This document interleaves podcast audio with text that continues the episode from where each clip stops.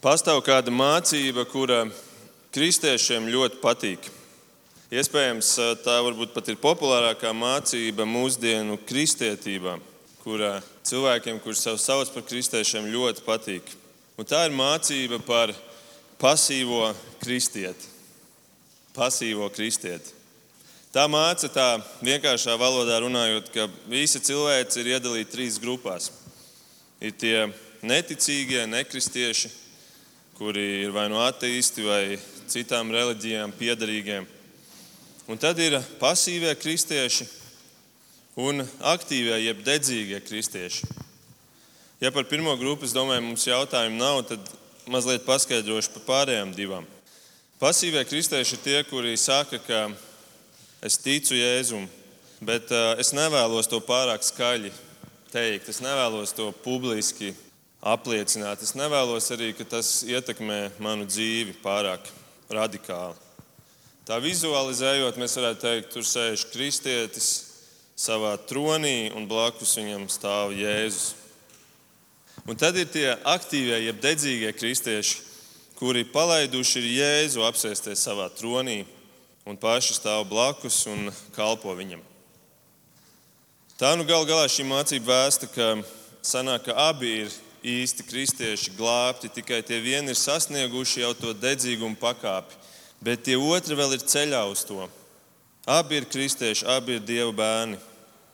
Un es domāju, jūs redzat, kāpēc šī mācība ir tik populāra, ne? jo viņa sniedz attaisnojumu pasivitātei. Attaisnojumu nestrādāt dieva valstības darbu, attaisnojumu nenest augļus, attaisnojumu atlikt dedzīgumu uz vēlāku dzīves posmu, tad, kad man būs vairāk laika tam. Bet ar šo mācību ir viena problēma. Un tā problēma ir tā, ka pats kristietības dibinātājs Kristus, Jēzus, viscaur savas dzīves misijai šeit uz zemes brīdināja par pasīvo ticību. Un viņš darīja to daudz vairāk nekā sludināja, piemēram, pret bezdievību. Jēzus mācība ir vienkārši pārblīvēta ar ilustrācijām par divu veidu ticīgiem. Viņš saka, ka vieni tie, kuriem ir lukturs, bet, un, un ir eļļa iekšā, bet otriem nav eļļas. Vieni ir kā koki ar augļiem, otri ir bez augļiem. Vieni ir kā nams ar pamatiem uz klints, otri ir kā nams bez pamatiem. Vieni ir tie, kas ieiet pa šauriem vārtiem un iet pa šauro ceļu, otri ieiet pa platajiem vārtiem un staigā pa plato ceļu. Vieni ir kā labība, otri kā nezāles. Vieni ir kā avis, otri kā āži. Vieni ir tie karstie, otri ir tie remdenie. Un šodien būs vēl viens piemērs, kurā Jēzus atspēko šo mītu par pasīvo kristieti. Un tā un es aicinu jūs atšķirt Mateja evaņģēlīja 25. nodaļu. Un tiešām paņemiet, jums apkārt ir Bībeles, paņemiet, atveriet, lai jums arī priekšā ir tas, ko mēs šodien vēlamies aplūkot. Mateja 25. nodaļa, no 14. panta. Tur šodien Jēzus mums stāstīs līdzību par talantiem. Līdzību par talantiem. Jēzus joprojām šajā vietā runā par savu otro atnākšanu, par Jēzus otro atnākšanu, kuru mēs gaidām. Un, uh, viņš turpina iesākt to domu, kuru pagājušajā svētdienā mēs Mēs jau klausījāmies un domājām par līdzību, par desmit jaunavām. Patiesībā šīs divas līdzības ir kā monēta, kura no vienas puses runā par vienu, un apgriežot uz otru pusi, mazliet cits aspekts. Tur runa bija par gaidīšanu, par to, ka tev jābūt gatavam gaidot. Šodien runa ir par kalpošanu. Un tad, kad mēs šīs abas lietas saliekam kopā, tad sanāk, ka mēs gaidām kalpojot. Tā ir tā kristieša šīs pašreizējās dzīves, tā īstenā sūtība, tas īstais status. Gaidīt, kalpojot. Tur ir tas līdzsvars, tur ir tas līdzsvars. Un, ja es pazaudēšu vienu no šīm pusēm, tad, tad viss sagāzīsies. Ja es tikai gaidīšu, rokas salīdzināšu, vērojot debesis, vai ne, kad tad Jēzus nāks tur mākoņos, tad es nepildīšu to, ko Bībele man māca. Bet, ja es atkal strādāšu un, un pat varbūt draudzē kalpošu un, vaigi sviedros un, un aizmirsīšu par to, kāpēc es vispār šeit esmu un ko es gaidu, arī tad es nošaušu garām mērķim. Bet Jēzus vēlēs, ka es trāpu mērķī. Un tādēļ šodienas līdzība. Un tā nu mēs varam lasīt pirmos divus pantus šobrīd. Viss sākās šādi. Tas ir tāpat kā ar cilvēku, kas pirms aizceļošanas pasauca savus kalpus un nodeva tiem savu mantu. Vienam viņš iedeva piecus talantus, otram divus un vēl kādam vienu. Katram pēc viņa spējām. Pēc tam viņš aizceļoja. Tātad mēs redzam, ir kāds cilvēks, kuram ir kalpi, un šis cilvēks, šis kungs, dodas prom uz tālu zemi. Gluži kā Jēzus, ne? Kurš ir devies prom uz tēva māju, uz nezināmu laiku, uz ilgu laiku. Un tā nu šis kungs pirms došanās prom izdara kaut ko apbrīnojamu. Tā vietā, lai viņš saslēgtu savu mantu seifos un no visiem pasargātu, viņš izdala šo mantu saviem kalpiem. Tātad mēs redzam, viņš ļoti uzticās saviem kalpiem. Vienam viņš iedod piecus talantus, otram divus, trešajam vienu. Un talants tajā laikā bija mērvienība. Mērvienība, kur parasti tika lietota zeltam vai sudrabam. Viens talants svēra ap 30 līdz 50 kg. Kā nu kurš teologs un vēsturnieks to apraksta. Tad mēs varam teikt, viens talants tas ir smags maisis.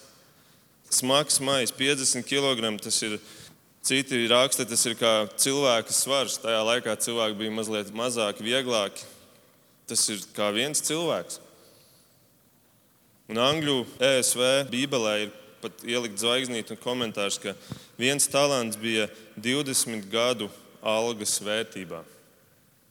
Vidējā alga uz rokas Latvijā ir ap 800 eiro, tātad tie būtu ap 200 tūkstoši eiro. 200 tūkstoši eiro viens šis talants. Tam, kurš saņem divus talantus, viņš saņem 400 tūkstoši eiro, un tas, kurš saņem piecus talantus, viņš saņem miljonus eiro. Tā ir ļoti liela vērtība. Ne? Tas nav tāds tikai reku paņem, lai tu vari pats izdzīvot. Tā ir ļoti liela vērtība. Un ko Jēzus saka? Ka viņš piešķir katram pēc viņu spējām. Un šeit varbūt mēs domājam par šo līdzību, mēs domājam, ah, tā ir tā līdzība par tiem talantiem, kur mums Dievs ir devis katram tos talantus. Nu, piemēram, es māku smuki dziedāt, vai es māku skaisti gleznot. Tas ir mans talants. Tad nē, ievērojiet, šie talanti tiek iedoti pēc viņu spējām. Šīs spējas ir tie talanti, kas viņiem ir iekšēji. Un šīs, šī, šī vērtība, šis maiss ir kaut kas mazliet cits. Šis maiss ir tas, ko Dievs tev dod garīgajā ziņā. Tā evaņģēlīja vēsts, ko tu esi saņēmis savā dzīvē. Tas Dieva vārds, tā ietekme, ko Dieva vārds ir tev devis savā dzīvēm. Jo vairāk Dieva vārdu tev māca, jo vairāk tu to izproti, un jo vairāk tu to izproti, jo vairāk tev ir resursi to lietot. Un Bībelē saka, ka no ikviena, kam ir daudz dots, daudz arī atprasīs. Tātad šie talanti ir kā materiāls, kas ir nodots mums vairošanai, citu cilvēku celšanai un gal galā Dieva pagodināšanai. Tie nav tikai mani talanti, ar kuriem es varbūt pelnu savu iztiku. Un katram ir uzticēts pēc savām spējām. Un šīs spējas ir gan tie talanti, iekšējie, gan tavs IQ līmenis, gan tava izglītība, kur tu esi iegūmis, gan tava audzināšana, kādā tu esi uzaugusi, gan tavi materiālie apstākļi, gan fiziskas lietas. Nu, tas veidojas no ļoti liela, plaša spektra. Un tāpēc ir šīs dažādas pakāpes, kuras Dievs arī uztic. Viņš nav tāds, kurš no visiem prasīs vienādi Nē, viņš mums katram dod fiziski dažādas lietas, un arī garīgi uztic, un pēc tam prasa atbildību no katra atbilstoši tam, ko viņš mums ir devis. Un tad mēs redzam, cik ļoti Dievs mīl cilvēku, ka Viņš nesūta mūsu pasaulē ar tukšām rokām. Viņš mums dod līdzi kaut ko ļoti vērtīgu. Bet ir vēl viena svarīga mācība šajā ievadā, ka šie talanti, šī vērtība, kur mums ir iedota, tā nepieder mums. Tā nepieder mums. Un mēs šobrīd dzīvojam tādā laika posmā, pasaulē, kur mēs daudz ko, ja ne pat visu, identificējam pēc tā, kas mums pieder. Mēs sevi saucam par to, kas mums pieder. Un man liekas, ka tas mans ķermenis, kas man šeit ir, tas laiks, kas man ir dots, tā nauda, kas man dot, ir, tas viss man pieder, ka tas ir mans, es to esmu nopelnījis. Bet patiesība ir tā, ka tas viss pieder Dievam. Viņš man to ir iedevis uz laiku. Es esmu tikai kā apsaimniekotājs tam. Un varbūt jūs sakat, nē, bet nu, laiks tas ir mans. Šīs 24 stundas tās pieder man. Es varu pats izlemt, kamēr es neesmu ielikts cietumā, es pats varu izlemt, ko es viņam daru. Nē, draugs, tev pat nepieder viena sekunde. Tev nepieder rītdien, tu nezini, kas rīt būs. Tev nav nekas garantēts. Tas nepieder tev. Tas viss laiks tev ir dots kā tāda žēlastības dāvana no Dieva. Tu saki, nu labi, bet varbūt laiks nē, bet nu, alga gan pieder man tie 500 eiro, kas ienāk kontā, tie ir uz manu vārdu. Nē, arī tas nepieder tev. Neviens cents nepieder tev patiesībā. Un tāpēc arī dot desmito tiesu, tas ir kā tāds cilvēka apmāns, ka viņam liekas, ka nu, tas viss ir mans, un tagad es varbūt kādu daļiņu atdošu Dievam. Patiesībā mums visu vajadzētu atdot Dievam. Nevis varbūt draudzēji atdot visu, bet, bet visu, ko mēs darām, tērējam, tas viss ir ar domu, vai mans kungs vēlēs, ka es to tērēju šādā veidā. Un pietiek Dievam noņemt savu sargājošo roku no mums, un mēs varam ciest kādā autoavārijā un kļūt darbam nespējīgi, lai saprastu, ka šī nauda nav pašsaprotama. Tu saki, nu labi, labi, tam es vēl piekrītu, bet es, mans ķermenis, nu tas nu gan pieder man. Nē, draugs, arī tas nepieder tev. Paskaties uz savu roku, paskaties uz savu pirkstu, tu to esi, tos kauliņus salīdzis kopā, tu esi apvilcis apkārt muskuļus un asinsvadus un apvilcis beigās rādu. Vai arī drīzāk, kad tu ienāc pasaulē, tad pirmais, ko ar tevi darīja, bija, ka kāds izskaitīja, cik tev ir pirksti un pierakstīja to kādā blociņā. Nekas nepieder mums. Es ar neko šajā pasaulē neesmu ienācis. Un sādens tikai māna mūs, ka viss pieder mums, ka mēs esam savas dzīves lielie kungi. Redziet, kāds ievads, viss pieder dievam, un arī šie kalpi saņem visu no sava kunga. Kas notiek tālāk? Kāda ir viņu reakcija? 16. pants. Tūlīt tas, kas bija saņēmis piecus talantus, laida tos darbā un nopelnīja vēl piecus. Tāpat arī tas, kam bija divi, nopelnīja vēl divus. Man patīk šis vārds - tūlīt.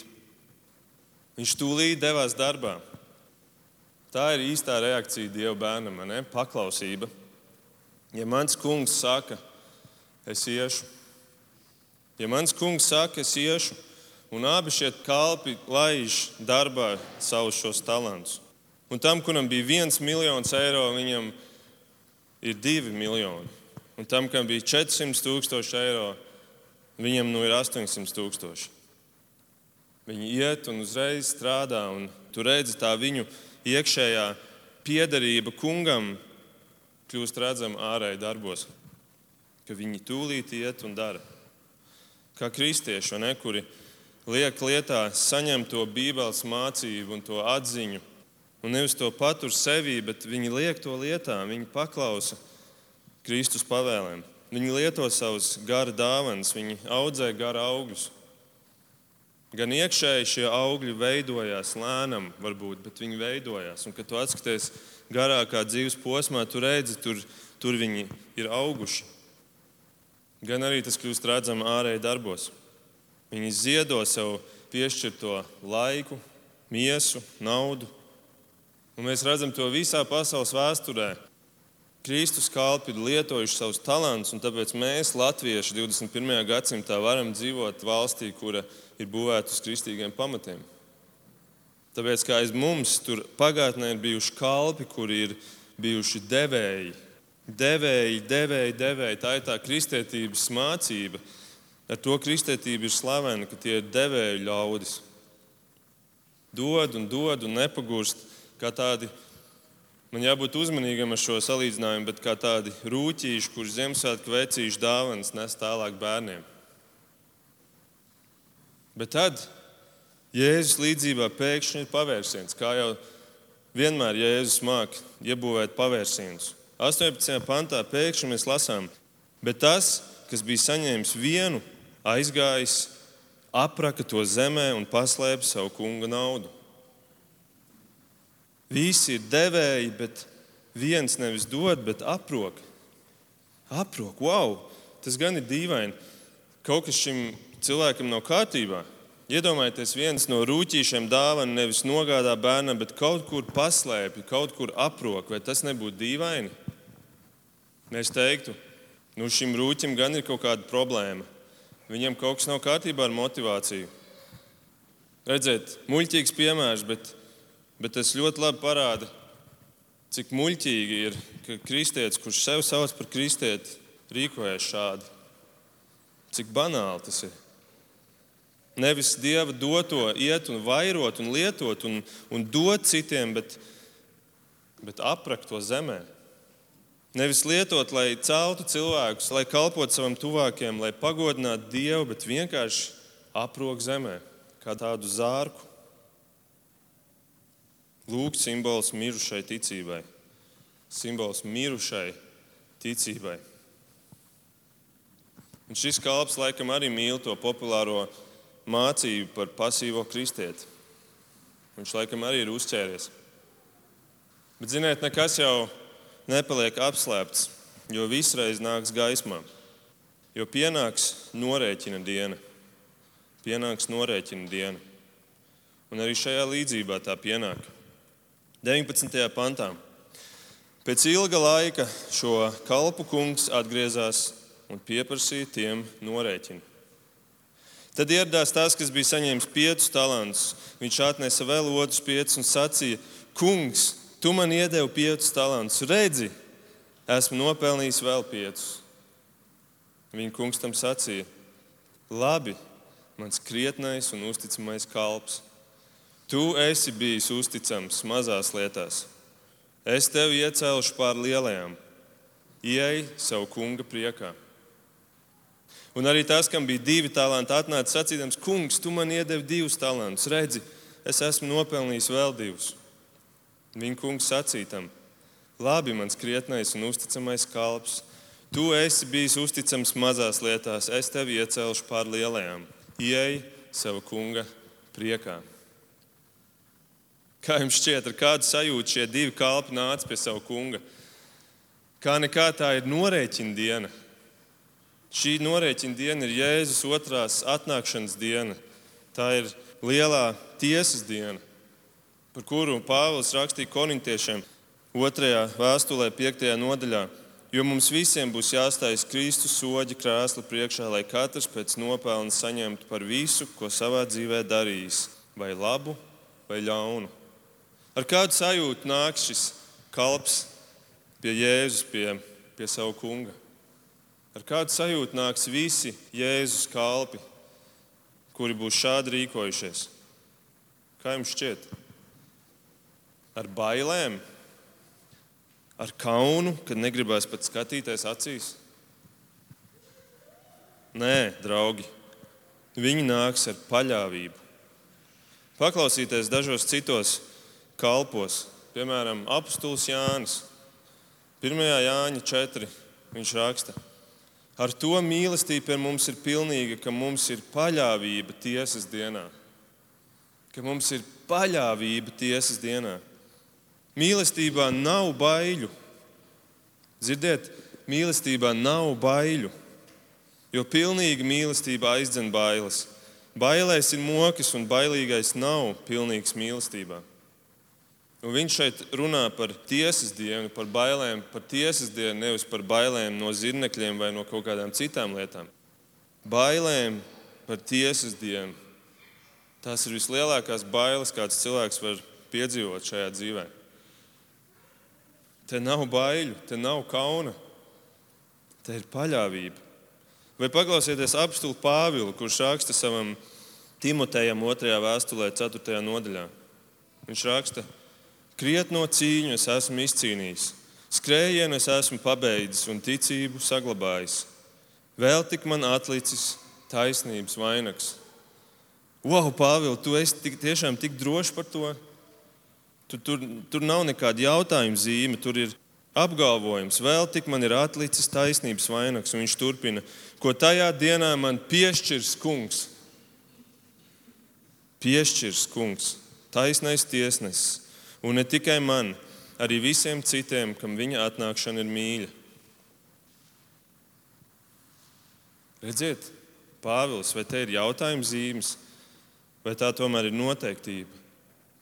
Vai tā ir paļāvība, ka man ir atlicis taisnības vainags, ko tajā dienā man piešķirs kungs? Viņš piešķirs, es esmu drošs par to. Vai arī Dāvids 23. psalmā, kur mēs ievadā lasījām, arī tur pēdējā pantā šī pārliecība. Viņš raksta patiesi, un angļu valodā turpat ir teikts surely. Patiesi, dāsnums un žēlastība mani pavadīs. Es pārnākšu kunga namā uz mūžu.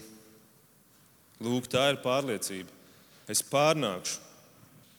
Nevis es ceru, ka es pārnākšu, es ceru, bet es pārnākšu. Un šis ir rakstīts priekā. Šis norēķina brīdis viņiem būs priecīgs brīdis. Un, ziniet, es ticu Jānim, Pāvilam un Dāvidam, šis bija priecīgs brīdis, kad viņi satika savu kungu vaigu vaigā. Un ka viņi ar pārliecību gāja viņam pretī un deva savus nopelnītos talantus un lika tos savu kunga priekšā. Prieka brīdis. Un līdzībā Jēzus atbild šiem kalpiem: Labi, mans krietnais un uzticamais kalps, ieej savā kunga priekā ieeja sava kunga priekā. Kā gan cilvēka dzīve varētu vēl labāk beigties, kā ieiet dieva priekā, ieiet tava radītāja priekā. Ziniet, Jēzus ejot pie krusta, ne tikai jūta fiziskās mokas, ne tikai izcieta milzīgu kaunu un pazemojumu, bet ziniet, ko viņš vēl darīja? Viņš skatījās uz prieku, kas tur tālumā ir un viņu gaida. Ebrejiem 12.2. Uzlūkosim mūsu ticības aizsācēju un piepildītāju Jēzu, kas viņam sagatavotā prieka dēļ par kaunu nebēdādams ir pacietis krustu. Redziet, to dienu Jēzus turēja acu priekšā to prieku, to īsteno prieku. Un izējot cauri visam tam kaunam, un mokām, un sāpēm, un, un asinīm, un sviedriem un spļāvieniem. Viņš aizsniedz šo prieku. Viņš aizsniedz šo prieku. Un tagad savus uzticamos kalpus viņš ved šajā, šajā ar asinīm izpirktajā priekā. Un mēs, cilvēki, mēs dzenamies pēc tā, tā, tā mazā prieciņa šajā dzīvē, pēc prieka un laimes, un meklējam to visādos stūros, tumšos. Un, bet šeit ir Dieva prieks, kas ir īstais un paliekošais prieks ieeja savu kunga priekā. Bet, ziniet, ir vēl kaut kas interesants šajā atbildē. Viņš saka, tu esi bijis uzticams mazās lietās, es tevi iecēlušu pār lielajām. Un, ja šis brīdis simbolizē mūsu laicīgās dzīves beigas, tiesas dienu, tad kā saprast šo paaugstinājumu? Kā saprast šo paaugstinājumu, jo mana dzīve taču ir beigusies? Kā saprast to, ka, ka vienam tiek pielikt pieci talanti, otram divi vēl tiks pielikt? Un beigās mēs uzzinām, ka tam, kuram ir pieci, tam vēl sastais tiks pielikts. Uz ko attiecās šis paaugstinājums? Dzīve taču ir beigusies. Jā, jūs jau nojaušat. Es tik tiešām ticu, es tik tiešām ticu, ka mūsu kalpošana šajā dzīvē ietekmēs mūsu mūžīgo dzīvi. Kaut arī debesīs pēc statusa mēs visi būsim vienādi, jo mēs visi būsim pilnīgi kā Kristus. Un tu nevari būt vairāk pilnīgs vai mazāk pilnīgs, dubult pilnīgs vai puspilnīgs. Ja tu esi pilnīgs, tu esi pilnīgs. Kaut arī debesīs pēc statusa mēs visi būsim pilnīgi, tomēr mums būs atšķirīgas funkcijas, mums būs atšķirīgi uzdevumi uzticēti. Mums būs atšķirīgas kalpošanas pakāpes uzticētas. līdzīgi kā eņģeļi. Miķelim ir viens uzdevums, Gabriēls tiek raksturots citādāk, tad tur vēl ir ķērubi un tā tālāk. Debesīs mēs nesēdēsim visi saliktām rokām un, un garlaikosimies. Nē, mums katram būs savs uzdevums, savi uzdevumi. Un mēs katrs turpināsim kalpot. Vienam būs uzticēts kas lielāks, otram kas mazāks. Bet tā kā tur nebūs vairs grēka, tad mums tas neskaudīs, ka vienam ir varbūt kaut kas lielāks uzticēts. Un tomēr mums būs uzticēti dažādi uzdevumi, dažādas pakāpes. Un tādā veidā tie pēdējie šeit būs tie pirmie tur un pretēji. Un to visu noteiks mūsu uzticamā kalpošana šajā dzīvē, mūsu uzticamības pakāpe kalpošanā šajā dzīvē.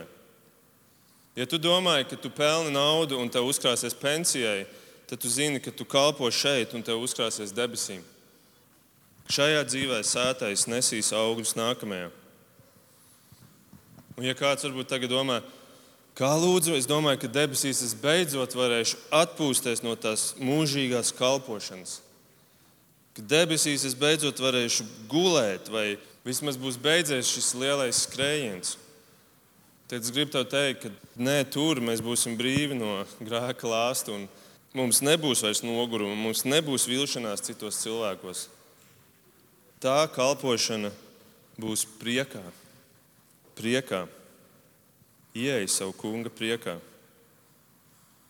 Redzēt, un tad visā šajā skaistajā brīdī, šajā priecīgajā momentā, šī līdzība no priecīgās nots pāriet uz skumju, jo uz norēķinu ierodas pēdējais kalps. 24. pāns. Atnāca arī tas, kam bija viens talants, un sacīja: Es zinu, ka tu esi bargs cilvēks. Tu pļauj, kur neesi sējis, un savāc, kur neesi kaisījis. Tādēļ es bailēs aizgāju un apraku tavu talantu zemē.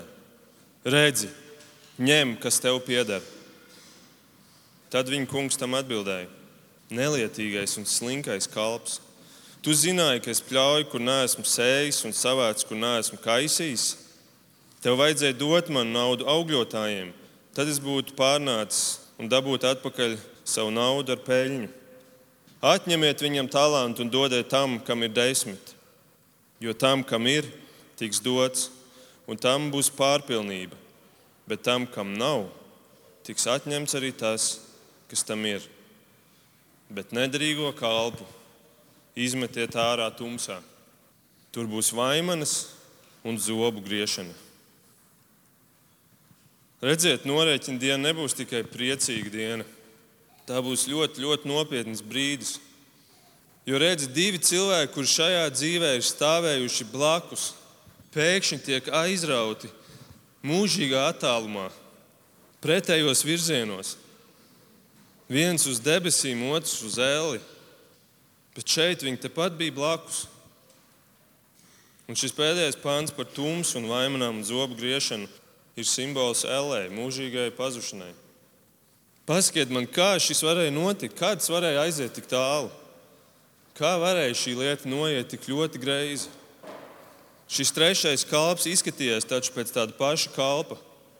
Viņš bija turpat blakus savu kunga namā, viņš dzirdēja savu kunga pamācības. Viņš redzēja savu kalpu, kolēģu priekšzīmi. Kā viņš varēja nonākt tur, kur nonāca? Atbilde ir, jo šis kalps, acīm redzot, bija noticējis mītam par pasīvo kristieti. Mītam par pasīvo kristieti. Jo viņš ir klasisks paraugs, klasisks piemērs Jēzus tik bieži aprakstītajam fake kristietim, viltus kristietim. Jā, viņš izskatījās un arī izklausījās pēc kristieša, jo patiesībā ko latviešu tulkojumu abi divi noklusēja, ir, ka viņš uzrunā savu kungu kā kungs. Grieķu tekstā ir šis vārds kīrie. Viņš saka, kungs. Bet tiesas dienā viņam blakus stāvēs daudzi šādi viltus kristieši, šādi pasīvie kristieši, un teiks, kungs, kungs, vai tad mēs nedarījām tavā vārdā visu kaut ko tavā saimniecībā? Vai tad mēs nedarījām labi, mēs aprakām tos talantus, bet mēs taču darījām tik daudzas citas labas lietas? Vai mēs tavā vārdā nepravietojām, vai mēs tavā vārdā neizdzinām dēmonus, vai tavā vārdā daudzus brīnumainus darbus nedarījām? Un kunga atbild būs: Es jūs nekad neesmu pazinis. Nos no manis jūs ļauna darītāji. Un tādēļ nu, šis svarīgais jautājums, šis svarīgākais jautājums šodien, viss šīs līdzības jēga. Kādēļ šis trešais kalps neizpildīja savu kunga gribu? Kādēļ tik daudzi tā saucamie kalpi to dienu nebūs izpildījuši dieva gribu, tad, kad viņi stāsies Kristus priekšā. Un es jums vēlos dot trīs pavisam īsus iemeslus. Pirmais iemesls ir nepareizs priekšstats par Dievu, jeb maldi. Šim kalpam ir kaut kāds sagrozīts priekšstats par savu kungu. Viņš saka, es zinu, ka tu esi bargs cilvēks, tu pļauj, kur neesi sējis, un tu savāc, kur neesi kaisījis. Vai tiešām šis kungs bija bargs? Vai tā attieksme pret pirmajiem kalpiem neapliecina pretējo? Viņš ne tikai uzslavē viņus, viņš ne tikai paaugstina viņus, viņš vēl ieved viņus savā priekā. Un pašā sākumā jau viņš izdāla viņiem tik lielus resursus. Kurš viņam lika to darīt? Mūsdienās neviens to nedarītu, bet viņš to izdara. Bet šis kalps saka, ka tu esi bargs cilvēks. Un, ziniet, es ticu, kā piepildi, es ticu, ka tas, ka kungs pēc tam atbild, tu zināji, ka es esmu šāds bargs cilvēks, un tā tālāk, viņš to nesaka kā faktu. Viņš nesaka, jā, es esmu bargs cilvēks. Es ticu, viņš turpina šī kalpa iesākto sagrozīto argumentāciju. Ka viņš saka apmēram, tātad tu saki, ka tu zināji, ka es esmu tāds un tāds. Ja? Nu, tad tev vismaz vajadzēja aiznest un atdot kādam augļotājam, ja jau tu pats negribēji. Vismaz kaut kas tur būtu iznācis. Bet redziet, lūk, pie kā spēja aizvest nepareizs priekšstats par Kristu, sagrozīts priekšstats par Kristu, maldi par Kristu. Un tad arī tik svarīgi, ka mēs droši zinām, ka mēs ticam nevis kaut kādam kristum, bet ka mēs ticam tam kristum, kurš ir mums Bībelē dots. Un tāpēc šajā draudzē mēs sludinām no Bībeles. Nevis tikai pieminam Bībeli, bet mēs mācām no Bībeles. Un pat ja kādi saka, jūs jau tur, jūs jau tur Bībeles studiju veidojat svētdienās, strūns par to, ko saka.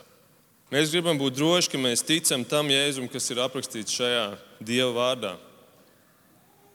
Otrais iemesls - slinkums. Varbūt mazliet pārsteidzošs iemesls, bet jā, slinkums.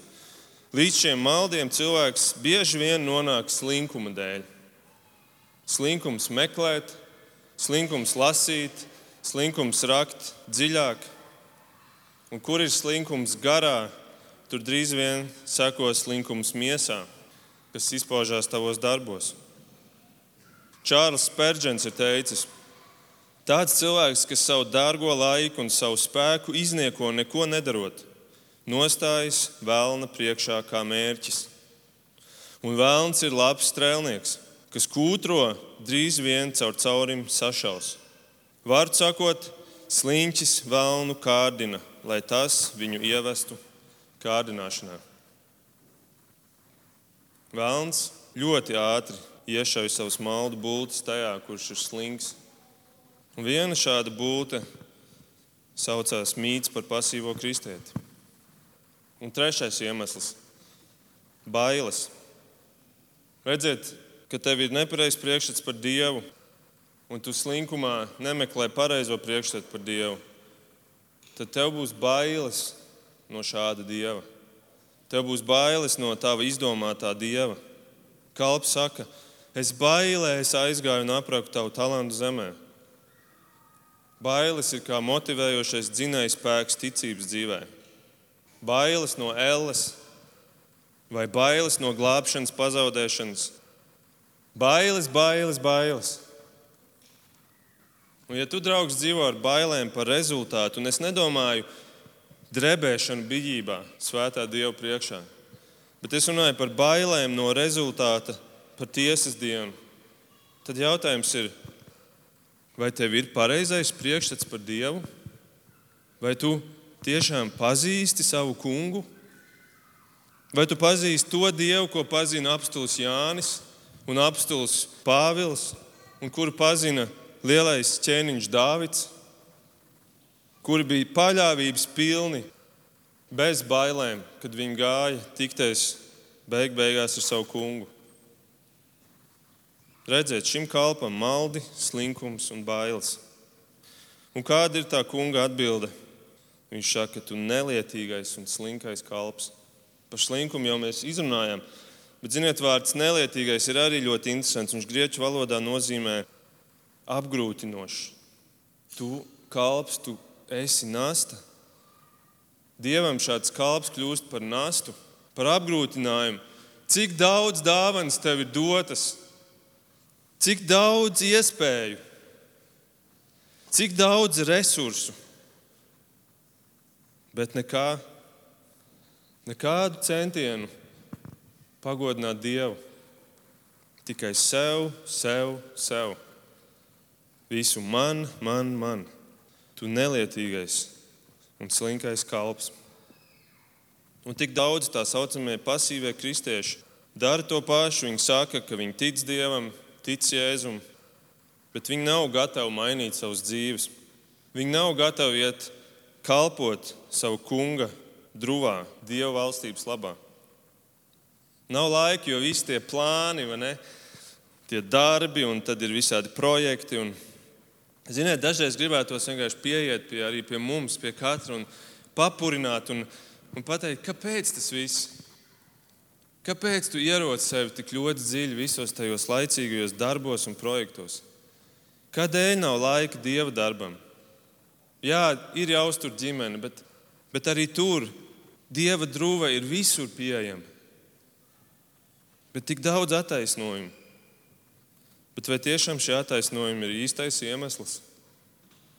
Vai tomēr kaut kur dziļi tur sirdī ielūkojoties, tā nesaka kaut ko citu? Tā nu kādai vajadzētu būt reakcijai, noklausoties šo līdzību? Darīt vairāk labu darbu, darīt vairāk labu darbu, lai nopelnītu savu glābšanu savu kunga priekšā? Nē, tu to nevari nopelnīt. Jēzus nāk un dod visu tev žēlastībā. Tāpat kā šī sākotnēji iedotā manta, šie talanti dod žēlastībā arī mūžīgā dzīvība, ir saņemama tikai un vienīgi žēlastībā. Bet, ja tu esi saņēmis to žēlastībā, tad tas padarīs tevi par dedzīgu kristieti. Mīts par pasīvo kristieti ir tikai mīts, pasīvs un patiesa kristietis, šie divi vārdi neiet kopā. Tas nav iespējams. Tas ir apmāns. Un, protams, mēs varbūt varam vēl jautāt, nu, ko nozīmē pasīvs? Vai man obligāti ir jāiet un publiski kaut kur jākalpo? Nē. Kā jau teicu, iekšēji gara augļi un ārēji darbi, kur tu pat savu ikdienu velti Dieva godam. Un meklēja iespējas, kā liecināt par viņu. Un meklēja iespējas, kā kalpot saviem brāļiem un māsām, kā nest viņu nāstas. Un ir viens vienkāršs jautājums, kuru mēs katrs varam pašā beigās uzdot sev. Vai kunga atgriešanos un norēķina dienu mūsu sirdis redz kā lielu prieka dienu, vai tomēr gaidām to bailēs? Es domāju, ka ar to arī pietiks mums katram sev atbildēt. Lūksim.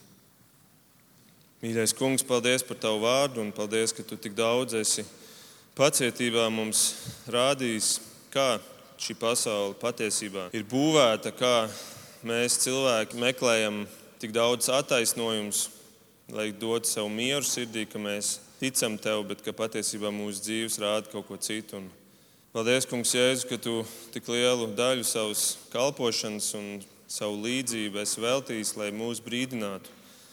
Un lai mēs ieraugam, ka ir šīs divas puses tiem, kurš sauc sevi par kristiešiem. Palīdz mums katram pārbaudīt sevi atkal caur šo līdzību, un